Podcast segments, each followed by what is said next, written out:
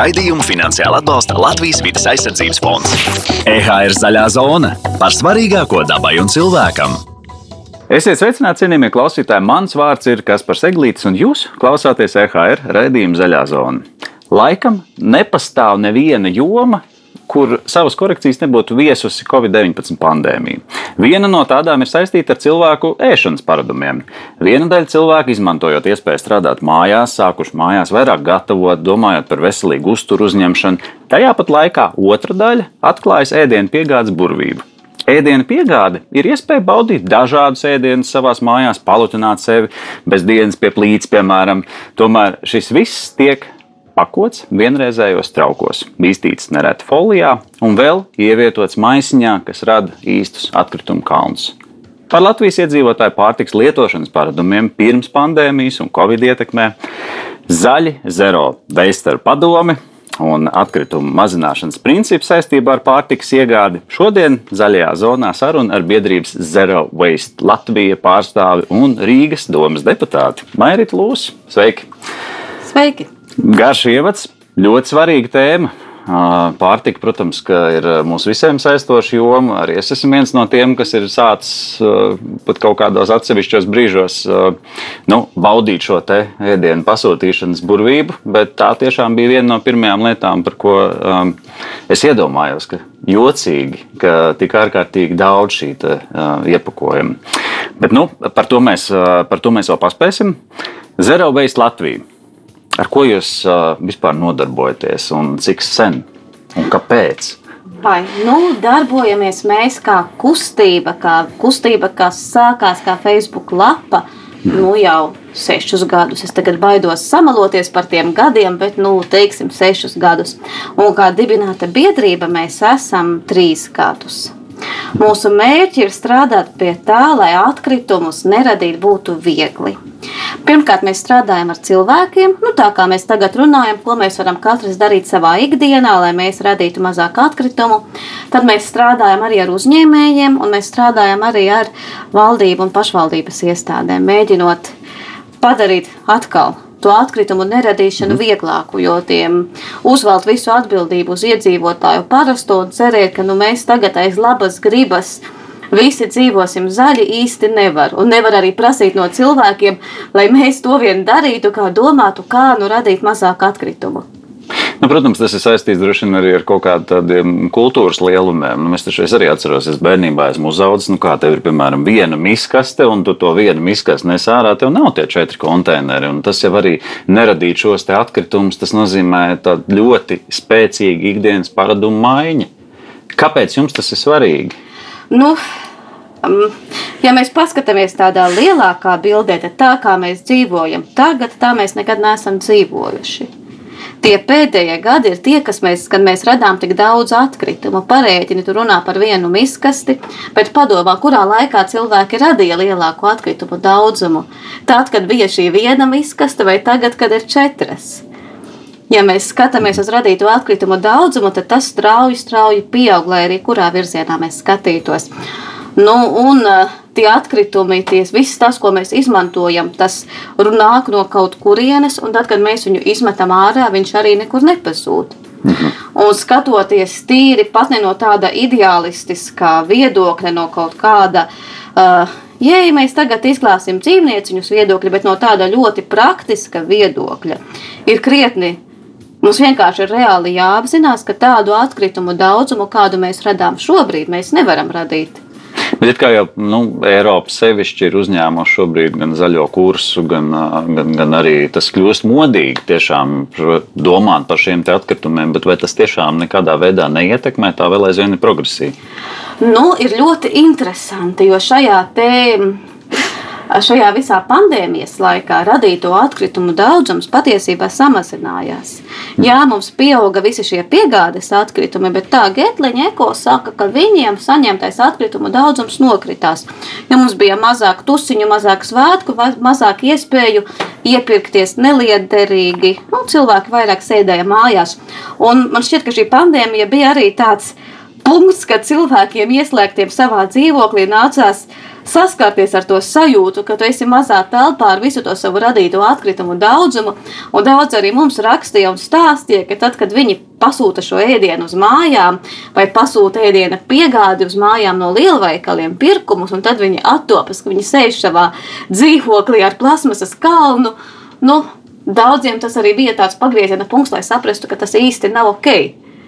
Ne, nu, daudz, ja, protams, arī tajā pandēmijas sākumā iegādājās visus tādos lielos kvantumos, kas no vienas puses jau ir, ir nu, pareizi. Tu sapērci daudz ilgāku laiku, tev pieņemsim tas pats, nezinu, nu, tur tolets papīra kalns, viņš tev ir iepakots vienā. Tu nepērc daudz mazus, kas katrs ir savā plasmas iepakojumā. Jā, bet arī, piemēram, ar ēdienu jābūt uzmanīgiem. Jo viens no iemesliem, kāpēc cilvēki izšķērta ēdienu un izmet ēdienu atkritumos, ir tieši šī pirkšana par daudz. Es nopērku piecus sierus un krējumus un pienus, īpaši šos produktus, kas ātri bojājas vienā pasūtījumā.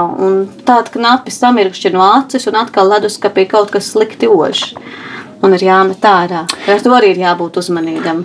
Bet tur gan ir tāda savā ziņā apakštēja. Mēs arī redzējumā par to esam runājuši. Arī par to, ka, ja arī tu esi nopircis par daudz, un tu apzinājies, ka tu pats neapēdīsi, tu it kā arī nedrīkst kādam citam oficiāli to atdot. Tā mums sanāk šobrīd.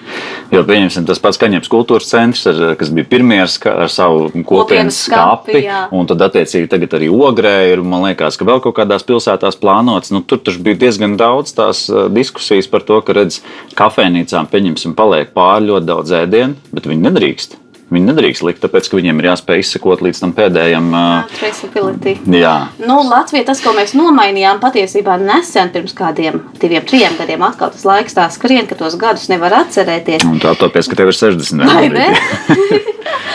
uh, bet nu šobrīd var uzņēmumi ziedot produktus, kuriem ir termiņš ieteicams līdz, nu, ja mēs paskatāmies uz mūsu ēdienu, mums var būt divi termiņi Mums ir termiņš, bet tas termiņš var būt ieteicams līdzi vai izmantot līdzi. Izmantot līdzi ir parasti uz piena produktiem, gaļas, uz produktiem, kas ātri bojā. Un ieteicams ir tāds, ko var vēl uz rīsiem, vēl. Mhm. makaroniem, nu tiem rīsiem dienu pēc derīguma termiņa beigām, nu nekas tur nebūs noticis. Viņiem šis termiņš ir noteikts tāds, kas garantē absolūti perfektu un nevainojamu kvalitāti. Šis ieteicams līdz termiņš. Līdz ar to tagad Latvijā ir atļauts legāli uzņēmumiem ziedot tirgot šādus produktus. Arī ieteicams līdz. Arī ieteicams līdz tad, kad šis termiņš arī ir beidzies, par ko bija ļoti priecīgas organizācijas, organizācijas kas dod ēdienu cilvēkiem, kuri paši nevar viņu atļauties. Un kurš uzņemās atbildību gadījumā, ja tur arī tur kaut kas tad, nu, tur kā tas ir? Nu, tas bija, es biju sarunās arī, kad šis likums tika pieņemts, un mēs tagad aiziesim likumu sarunās. Es nezinu, cik tas ir interesanti, bet tas bija viens no uzņēmumu, no uzņēmumu bailēm. Mm -hmm. nu, protams. Viņi sacīja, ka viņi noteikti vēlas, lai šajā likumā ir skaidri ierakstīts, ka tā nav viņu atbildība. Mm -hmm. Nu, jo es arī saprotu, ja ir uzņēmējs, kas labu gribot ziedot savu produktu, ir tā paranoja, kāds tagad mani vainos. Bet, nu, jā. Bet šajā gadījumā mēs runājam par produktiem, kuri nav atvērti, kuri ir iepakojumās. Tātad, piemēram, šāda rīsa. Bet ko darīt tiem, kuri uh, nu, kur, kur gatavo, pieņemsim, uz vietas? Nu, to salātus, kafejnīcu viņi gatavo uz vietas, pusdienu piedāvājums, pusdienas beidzās, pusi palikusi pāri. Nu, darbinieki arī vienmēr nevar paņemt. Nu, man māsa, man māsas ģimene ir kafejnīca, un viņai bieži vien vakariņās ir tas, kas ir palicis pāri no vīra. Ne, nu, tā jau, protams, klasika. Bet nu, tur arī tiek strādāts pie projekta projektiem, bet nu, ir jāsaprot viena lieta, ko es daru kā cilvēks. Mm -hmm. Es sarunāju ar kaimiņu, sarunāju ar kādu radinieku, ar draugu, kas dzīvo aiz stūra un saku, hei, paņem šito, man te viņš saka, tu esi redzu, ka es neapēdīšu. Un otra lieta, ja tu esi uzņēmums, tad tev varētu būt pretjautājums, kā to organizēt un kā garantēt to drošību. Mm -hmm. Bet nu, tās pašas dienas laikā notiek, ja šis šo produktu noteikti varētu kaut kādā veidā ziedot un iedot cilvēkiem. Nu jā, jo tie apjomi tiešām ne tikai Latvijā, bet visā pasaulē ir lieli. Tā kā ja mēs tiksim līdz tam, ka šo var izdarīt. Nu, bet te es atkal gribu norādīt uz vienu ļoti interesantu faktu. Skatoties statistikā, ne jau jau kafejnīcas un lielveikali ir tie, kas izšķērdē ēdienu. Ja mēs eh, mājsaimniecībā, ja mums uz mājsaimniecībās tas, to, ko mēs ēdam, ja to paskatītos tādām uzņēmēju acīm, mēs būtu ļoti, ļoti neefektīvi. Jo mājsaimniecības ir tās, kas izšķērdē lielāko pārtikas daudzumu. Nu, varbūt uz to var skatīties kā uz labo piemēru. Ja Vai tas kļūtu par tādu uh, sabiedrībā aktuālu tēmu, par to, ka redz uzņēmējiem paliek pāri, ceļam to augšā, nesam ārā. Ja tev šķiet, ka mājās vienkārši ja tā kļūtu par normu, tad es domāju, ka arī mājasēmniecībās tas samazinātos. Jo tas jau šobrīd nav uh, nu, kā risinājums gaisā, manuprāt, tik ļoti. Nē, no tur atkal katram ir bijis arī sava atbildība un sava plānošana. Ja es parasti, tad, kad runāju par iepakojumu, es stāstu par to, ka visam iepakojumam būtu jābūt pirmkārt atbildīgam, jā, viņš jāizmanto tikai tad, kad vajag, vajadzētu vairāk kārt lietojamu iepakojumu, viegli pārstrādājamu iepakojumu, nekādus plasmasas lodziņus kartona kastītēs. Tad attiecībā tieši uz, šo, šiem pārtikas atkritumiem tur nu, ir katra leduskapī sava atbildība. Mm. Nu, kas ir krietni, kas reizē ir vienkāršāk un sarežģītāk. Nu, tam noteikti vienmēr var pieiet no tāda aspekta, ka tas, ko mēs izmetam ārā, patiesībā reizē ir izmest arī naudu. Jā. Un, ja tu iemācies tomēr ieplānot par to, ka tu pēc pašu uh, nu, teiksim, tādu daudzumu, kurš vai nu stāv un tu vari ilgi lietot, vai katrā ziņā nav jāizmet ārā, tad arī gala rezultātā tā nauda paliek vairāk. Un tad var atļauties kaut kādas savukārt citas lietas. Var tam pieiet arī tā. Jā, bet vispār šie pārtikas atkritumi ir tāda tēma, par kuru ir diezgan pateicīgi runāt, jo tā ir svarīga visiem cilvēkiem. Vai nu naudas dēļ, vai arī tīri instinktīvi mums šķiet kaut kā slikti izmest labu ēdienu miskastē. Nu, jā. nu, mēs jūtamies katrs nedaudz vainīgi. Ir tāda slikta sajūta iekšā, ka es redzu kaut kas, ko es, esmu, ko es varētu apēst, tas ir sabojājies un jāmet ārā. Ja, nu redz, kādreiz bija, es atceros, man at- atkal man no bērnības uh, atmiņa, ka, pr- protams, ka maizīti nekad nedrīkst mest ārā, un tad mēs darījām tā, ka mēs gājām ar to maizīti barot putnus. Bet tagad, atkal es dzirdu, ka atkal tos putnus atkal nevar barot, tad ko lai es ar to maizīti daru? nu, labi. Tas tā, protams, tādai mazai atkāpē, bet uh, runājot par vispār par Latvijas, jo, jo skaidrs, ka pandēmija ir, ir baigā robežšķirtne starp ļoti daudzām lietām šobrīd, starp ļoti daudziem cilvēku paradumiem. Bet kas ir tās izteiktākās lietas, kas ir uh, mainījušās salīdzinājumā ar to, kā cilvēki ēda un vispār parunā pēšanas kultūru, ēdienu, pārtiku pirms un pēc? Nu, man šķiet, mēs visi tagad vairāk novērtējam terases un iespējas pasēdēt terasē un iet ārā. Nu Bet nu, jā. tās noteikti bija šīs piegādes uz mājām, un viss tas, ka cilvēki sūtīja ēdienu gan uzreiz gatavu ēdienu no restorāniem, kafejnīcām, gan arī šos pirkumus no lielveikaliem. Kas no vienas puses, ja mēs pērkam no lielveikaliem, mums palīdz labāk saplānot un samazina tādu impulsīvo iepirkumu skaitu, bet tajā pašā laikā mums vairs nav kontrolas un mēs nevaram izmantot savus maisiņus un, un teikt, es nelikšu tagad to vienu citronu maisiņā. Un tajā pašā laikā arī tas, par ko cilvēki, kas vēlas samazināt atkritumus, šausminājās, bija šī visa maizīšu un bulciņu pakošana plasmasā lielveikalos. Nu, tā, tā, diemžēl, bija normatīva. Jā. Jā, Bet, principā, es domāju, ka vēl viena no lietām ir tas, ka cilvēki ir uh, iemācījušies pasūtīt uz mājām, nu, ka tas patiesībā ir ērti. Un uh, tad, arī ietaupīt uh, laiku un arī nu, savā ziņā izvairīties no šiem impulsīviem pirkumiem. Jā, bet nu, tas iepakojuma daudzums un nepārstrādājama iepakojuma daudzums, jo šīs iepakojums, kurā mums atved ēdienu uz mājām, viņš nav pārstrādājams. Es nezinu, vai tur kaut kas, bet mēs tagad nevaram iedomāties, kas no tā visa iepakojuma veidiem, kas mums tiek piegādāti uz mājām, kas varētu būt pārstrādājams. Tā ir tāda skumja. skumja Kurā tēma. brīdī ir tas pārstrādājamais, vai, vai tas ir, respektīvi, vai tā, tā, tas tomēr ir mīts vai patiesība par to, ka katram tai plastmasas tai lietai, pirms tu viņu met iekšā tajā plastikas uh, paredzētajā urnā, tomēr ir jāskatās, kādi ir tie cipari un tie skaitļi. Vai tas tā tiešām ir, vai Nu, redz. es to plastmasas maisiņu metu vienkārši pie plastmasas? Nu, redz, šeit sākas garš un smags. Ne, ne smags, ne, bet sākas garš un man ļoti interesants stāsts. Priekšu. vai ne? Latvijā nepastāv vienota šķirošanas sistēma. Atbild uz šo jautājumu atšķirsies no tā, vai tu esi Liepājā, vai tu esi Rīgā, vai tu esi Vicemē. Nu, piemēram, ja tas ir Rīgā, jo mums arī mājās ir diskusijas par to, ka kā, bet tur plasmas pie plasmas. Nē, tomēr tur kaut kāda Tas Rīgā mums ir vispār ir iepakojuma konteiners, nevis plasmasas konteiners. Es pati esmu rakņājusies par to, ko cilvēki sametuši konteineros, ko nevar pārstrādāt. Un ļoti daudzi sajauc šo uh, iepakojuma konteineru, ar plasmasas konteineru. Nu, dzeltenais, tas, kurš ir daudziem. Jā, bet tur met iekšā kaut kādas bērnu rotaļlietas un zobu birstas, jo tās arī ir no plasmasas. Šajā konteinerā būtu jāmet tikai iepakojums. Mm -hmm. Un reāli pārstrādē nodod ļu, tikai noteiktus iepakojuma tipus. Nodod pēc dzērienu pudeles, nodot tādas no nu, sadzīves ķīmijas kannas ar uzrakstu ar trīs stūrīti, kurā ir uh, divnieks iekšā, jā, divnieks, ne četrnieks, divnieks iekšā, HDPE, un tad nodot nečaukstošas plēves. Vārdu sakot, ja mums ir iepakojums, pēta dzērienu pudele vai kāds iepakojums, uz kura ir trīs stūrītes ar divnieku iekšā, vai nečaukstoša plēve, ideālā gadījumā viņas būtu arī trīs stūrītes ar četrnieku iekšā, mēs viņu varam mest šajā konteinerā. Bet, nu, Te atkal visi tie, kas runājam par šķirošanu, mēs saskaramies ar grūtībām, kā lai to tā ātri un viegli izskaidrot cilvēkam. Tas ir tas, ko es gribēju Jā. arī jautāt, jo man liekas, labi, tagad tu esi gatavs mainīt savus paradumus, un, un ok, mājās ir rekur, maisiņš, kurā liekas plasmas iekšā, maisiņš, kurā liekas pārējā. Pieņemsim, kaut vai ir divi šie konteineri. Tu jau esi nodalījis, atradis to vietu.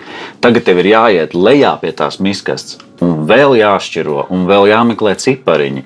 Un es domāju, ka tā problēma ir tā, ka lielākā daļa no cilvēkiem taču nemūžam nemeklēs tos cipariņus. Redz, tad te var pieiet, tāpēc ir daži atkrituma apsaimniekotāji un dažas pašvaldības, pašvaldības, kas tieši tāpēc, lai nejauktu cilvēkiem galvu, saka, metiet visu, metiet visu iepakojumu, ja tikai viņš ir sauss un tīrs. Un tas arī ir viens veids, kā šai situācijai pieiet ideālajā gadījumā.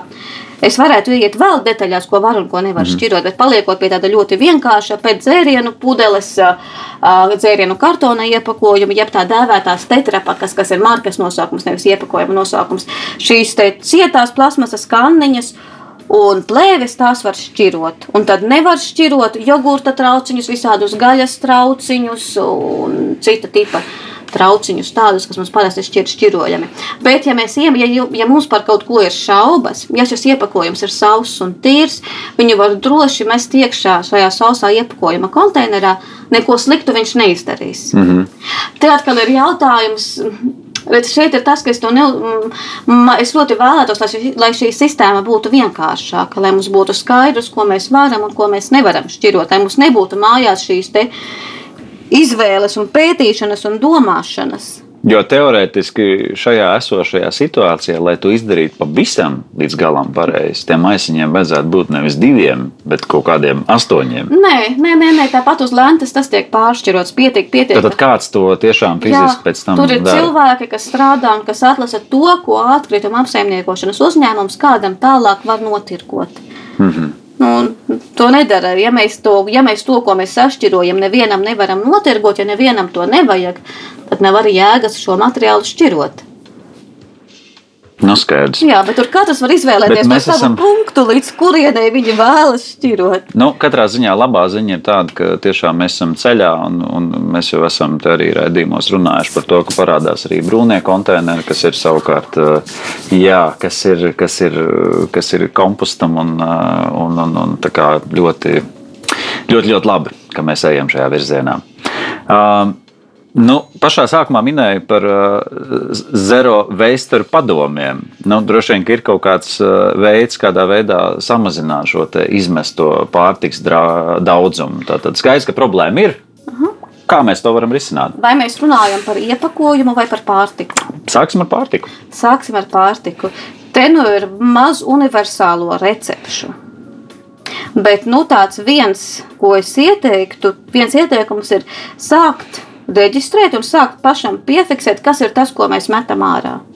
Mhm. Es, piemēram, zinu, tad, kad es to sāku pētīt pati priekš sevis un savā, savā dzīvē, es sapratu, ka es metu ārā bieži vien kaut kādus divus zupas šķīvis.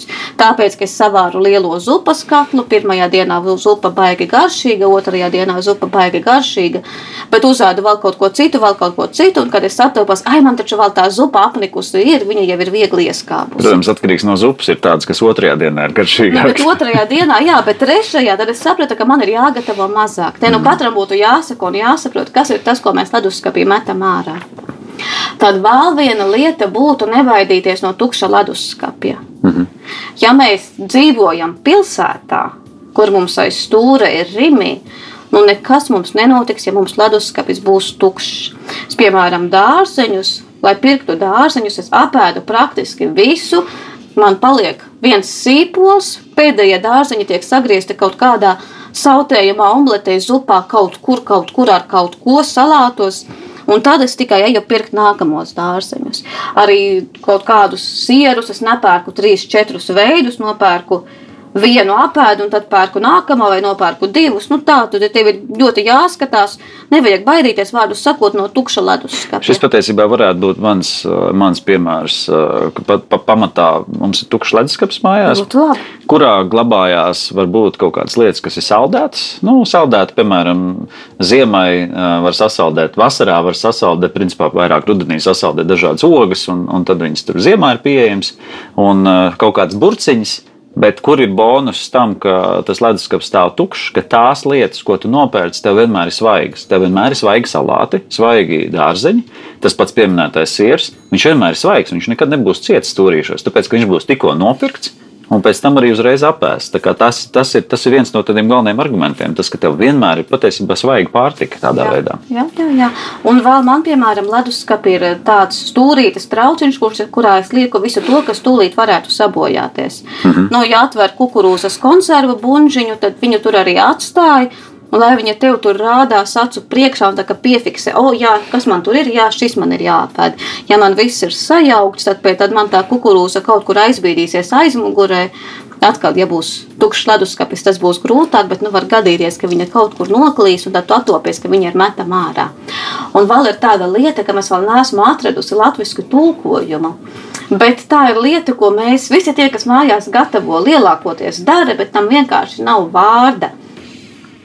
Tas ir tas, kas angļuiski saucās continuous cooking, tāda turpinātā gatavošana varētu būt. Tas nozīmē, izvāra kartupeļus un pēc tam viņas apcep. Jā, tieši tā, tieši tā, jo arī nu, daudziem visa šī pandēmija, un piemēram, man kā cilvēkam ar, ar bērnu mazu, tā ēst gatavošana reizēm ir stress. Mm -hmm. nu, tev ir jāizdomā trīs reizes dienā, ko lai tagad ēd. Un tas vēl tev ir jādara bērnam. Nu, tur tas ir sarežģīti. Un tad šī continuous cooking ir tāda, ka tu izvāri. Atkal tas nav nekas ģeniāls, tas ir tas, ko cilvēki vienmēr ir darījuši.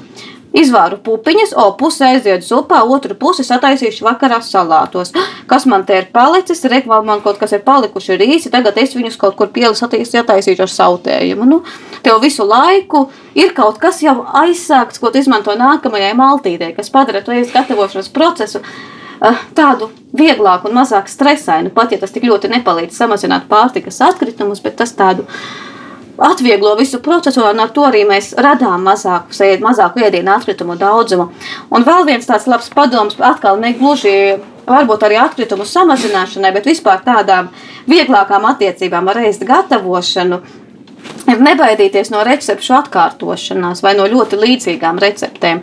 Reizē jau mēs paskatāmies Instagram, Pinterest, un šķiet, ka pirmdien man ir jātaisa suši, otrdien čili, un trešdien karijas, un ceturtdien, nu, Kaut arī tā, bet beigās stress. Vai nu, ne? Un, ja mēs paskatāmies uz to, kā cilvēki tradicionāli ir gatavojuši, nu, itāļi un vīrs itālis, viņi ēdīs tos makaronus gandrīz katru dienu. Mēs, latvieši, tos kartupeļus arī varam ēst katru dienu. Uh, lielākoties cilvēki nedomā katru dienu kaut kādu absolūti jaunu, oriģinālu recepti un nepārsteidz savu ģimeni ar fantastiskām maltītēm. Viņi gatavo kaut ko garšīgu, ierastu un vienkāršu. Nedaudz pavarīja. Mēs, piemēram, mājās varam ēst salātus vakariņās no četras dienas nedēļā. Mm -hmm. Vienkārši katru reizi viņus sagatavojot nedaudz savādāk. Mazliet vairāk, mazliet mazāk. Kaut ko vēja un- pieliek klāt, kaut ko to, kaut ko no tā, kaut ko no šitā, un tas atkal mums palīdz. Ja mēs ieejam tādā ritmā, kad mums ir nevis eh, kaut kas ļoti eksotiskām receptēm, ko mēs gatavojam tikai vienreiz, bet lietas, kuras mēs izmantojam ikdienā, mm -hmm. tas arī palīdz samazināt ēdienu atkritumus un mums mazāk stresa arī. Īstenībā tādā salīdzinoši digitālā laikmetā būtu interesanti uztaisīt aplikāciju, kurā, jo, jo viena no lietām, manuprāt, kas arī ir problēma, tas, ka cilvēki vienkārši ir aizmāžīgi un, palaiž garām tos termiņus, bet tos, Jā. tos trakos termiņus, nevis, ka tur ieteicams, bet, bet ka viss jau tur, ir kļūst dzīvs, tur tas piens. Un, uh, un tad, piemēram, nu, būtu aplikācija. Šajā aplikācijā var katru reizi, kad nopērci, savadi vienkārši tos datus, cik tev katram ir. Un tad tev tieši tāpatās kā no Facebook atnāk kaut kāds paziņojums, Notifikācija. Tev nāk arī to, ka tava, tava desa drīz kļūs tur dzīva vai kaut kā tam Ir līdzīga. kaut kādi inteliģenti leduskapi, super moderni. Tie ir tie arī, kas pasūta un tie, kas Jā, jā, dara. jā, kas un nākamais līmenis patiesībā būtu tāds, ka viņš tev piedāvātu recepti, ko no tā esošā, kas tev ne? tur ir, kas iet uz beigām, tu vari pagatavot. Biznesa ideja. Vai ne? Vai Vai ne? Tā kā ja kāds no klausītājiem droši taisiet aplikāciju augšā, es domāju, ka noteikti būs daudz, kas to novērtēs. Nu, skaidrs, principā pietiekami daudz tādu vienkāršu ikdienas, uh, ikdienas paradumu. Nekas tāds, uh, nekas tāds sarežģīts. Vai ne? Nu, bet diena. Tur katram tiešām nav universālo recepšu. Katrai situācijai ir, ir, ir um, atšķirīgi risinājumi. Bet vispār palasot, ir viens ļoti interesants doktora, viena ļoti interesanta doktora disertācija par ēdienu izšķērdēšanu Latvijā. Tad tur arī tika norādīti tādi lielākie pārtikas izšķērdētāji, tādi, tādi profili vairāki. Mm -hmm. Viens tas būtu ģimene ar bērniem jauniem, nu tādiem 3 līdz 6 gadi, tur bija tā vecuma grupa. Mm -hmm. Ja nu, tur arī bērnam kaut ko sataisa, viņš negrib, tur, nu, Tā, tā arī tas aiziet. Jā. Jā, es man, piemēram, tagad vakariņās lielākoties ir tas, ko meitene nav apēdusi pusdienās. Mm -hmm. Un tad otrais bija cilvēki, kas dzīvo vieni. Man bija žēl, ka tur netika ņemts vērā dzīvums. Tur arī varētu būt interesanti papētīt, bet tādi, kas dzīvo vieni. Jo vai nu cilvēkiem ir tāds dzīvesveids, ka viņi nepavada daudz laika mājās un negatavo, vai arī veikalos pieejami iepakojumi ir par lielu. Un viņi kaut ko attaisa, un esot viens nepaspēja, eh, nepaspēja apēst. Un vēl bija cilvēki, kas diezgan bieži ēd ārā. Mm -hmm. Nevis cilvēki, kas visu laiku ēd ārā, bet cilvēki, kas ēd ārā un ēd mājās. Jo tajā gadījumā, nu, es izēju ārā, pastaigāties, ai, es aizēju, paēdīsim kādā kafejnīcā, un es aizmirstu, ka man mājās jau bija kaut kas, kas būtu jāsagatavo. Nu, redziet, tu esi viens un tev ir pa lielu zupu šķīvis. Tas ir lielisks uh, iemesls, lai uzaicinātu kādu ciemos. Varbūt ka Tagad, tas, kad atrisinā, drīkst. tas atrisinās tagad, kad drīkst. Jā, jo tas atrisinās īstenībā divas, uh, divas lietas vienlaicīgi. Tu nebūsi vairs viens, un, un būs kāds, kurš apēdīs arī to zupu ar tevi Jā. kopā līdz galam. Man ir draudzene, kas ik pa laikam apēd, atnes kūkas. Es nesaprotu, kā tas var būt. Viņa arī dzīvo viena ar suni. Un viņa atnes kūkas, jo viena nevarot apēst. Lūk, šo problēmu es nesaprotu. Sunim dot arī nebūtu īsti pareizi. Es apēstu vienu visu kūku. Nu, redz, vēl viens brīnišķīgs notikums. No jūlija ir ieviests vienreizējās plastmasas izstrādājumu daļais aizliegums. Hmm. Kā mēs tik labā punktā nonācām? Nu, tā ir Eiropas Savienības direktīva, kas Latvijā ir pārņemta, kas nāk no tā dēvētā melnā desmitnieka. Tās ir lietas, ko visbiežāk atrada pludmalēs, lasot atkritumus. Mm -hmm. Un tā nu, tika pētīts, kuras no šīm lietām mēs varam aizstāt, un kuras no šīm, kurām no šīm lietām mums nav tādas viegli pieejamas alternatīvas. Nu, redz, tad uzreiz jautājums. Vasara ir brīnišķīgs laiks, kad visi, visi kaut ko svin ārā, ne tikai līgos svētkus, bet visus mm. iespējamos citus svētkus dodas dabā. Un, un, un kas tad ir tas, ar ko var aizstāt? Uh, Nu, jo tā jau arī ir vesela. Šie plasmas šķīvīši, tā ir vesela kultūra. Vai ne? Atkal padomājam, pirms 40, 50 gadiem, ja mēs kādam stāstītu, ka mēs izdzeram kafiju un krūzīti izmetam. Mm -hmm. nu, būtu grūti noticēt, tā kaut kas, tas ir kaut kas ļoti, ļoti jauns. Nu, ideālajā gadījumā es jau teiktu, ka to vajadzētu aizstāt ar vairāk kārt lietojamajiem šķīvjiem. Piknika gadījumā ar tādiem, kas ir viegli un neplīstoši, ir bambusa trauki, kas ir tādi, Ir kurus metāla īstenībā, Metāla iegādāties. arī tas būtu tas ideālais variants.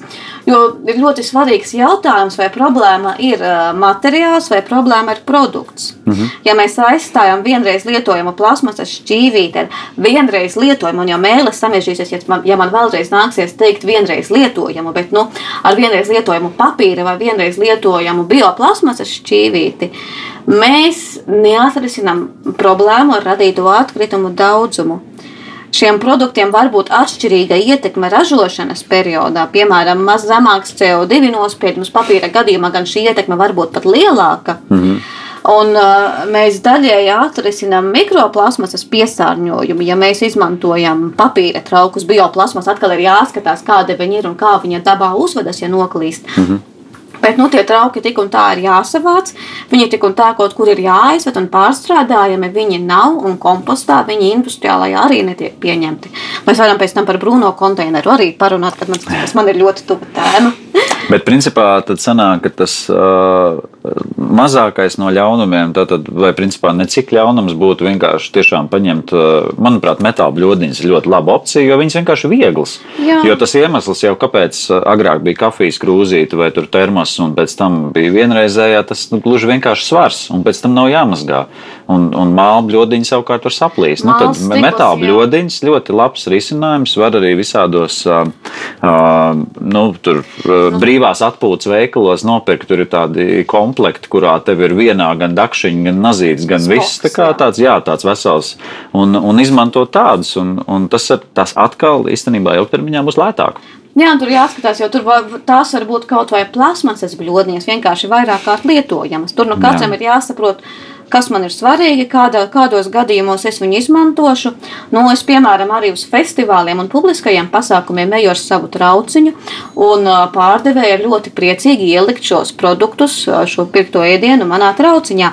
Un mēs arī Rīgā tagad esam noteikuši, ka par vienreiz lietojamajiem traukiem, neatkarīgi no viņu materiāla, publiskajos pasākumos ir jānorāda cena. Mhm. Lai tie, kas nāk ar saviem traukiem, jo nu, tas tomēr ir, tā ir vēl viena lieta pie tām simts lietām, par ko mums ikdienā ir jādomā, par kuru mēs piedomājam un paņemam to savu trauciņu un dakšiņu līdzi.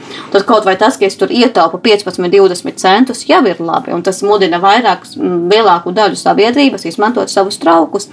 Protams, to varētu risināt pasākumu gadījumā arī ar uh, trauku tādām depozītu schēmām uz vietas, kā ir bijis jau vairākos pasākumos. daudz, ā, kur ir. glāzes, jā. jā, piemēram, es biju. Berlīnē tādā Lollapalooza festivālā, kas tiešām ir milzīgs uh, mūzikas festivāls, un viņiem ir šī depozīta klāšu sistēma. Un Tas bija tad, kad Latvijā vēl nebija, jo šobrīd jau diviem festivāliem Latvijā ir šī te. Un Lemesim ir. Un Tad ir trīs.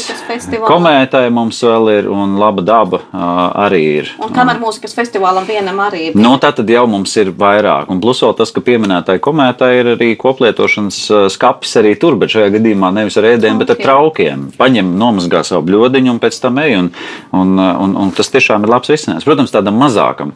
Bet tas, ko es novēroju šajā Berlīnas festivālā, tas, ka cilvēki ne tikai uh, pievērš uzmanību, kur viņi atstāja šo te, bet lasa arī citu atstātos. Jo ir kaut kāda tā sajūta par to, ka tu dabūsi to eiro atpakaļ. Un tu aiznes tāpat uz to bāru.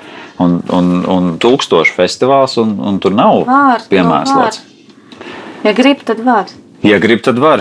Galu galā, nu, ja nu mēs tomēr nonākam līdz papīra šķīvīšiem, nu, visticamākais tos jau var arī beigās, varbūt nemest ārā, bet vismaz sadedzināt. Vai tas būtu labs risinājums? Nu, tur ir jāskatās, ja es viņu dedzinu dedzināšanas pēc. Nē, nē, nē nu, aizkurināt ugunskura, piemēram. Izvēlēties nevis to, nevis, teiksim, kaut kādu vēl lietu nopirkt, bet vismaz tad ar to Tur aizdedzināt. būtu jāskatās, te es neteikšu, ne jā, ne nē. Tur būtu jāpēta. Nav tik viegli reizēm cilvēkiem ļoti gribas tādas vieglas atbildes uz vidas problēmām. Nu, Mhm. kā ir labāk, bet tad tu sāc skatīties un saki, nu, no šī aspekta, tā kā tas, bet ja mēs paskatāmies no tā, tad nu tas. Labi, tad es Jā. domāju, ka ļoti labs punkts būtu palikt pie, pie otrais lietojamiem traukiem, atrast vienkārši vieglākas opcijas. Un, un, uh, un tas, būs, tas būs labi visos vasaras svētkos.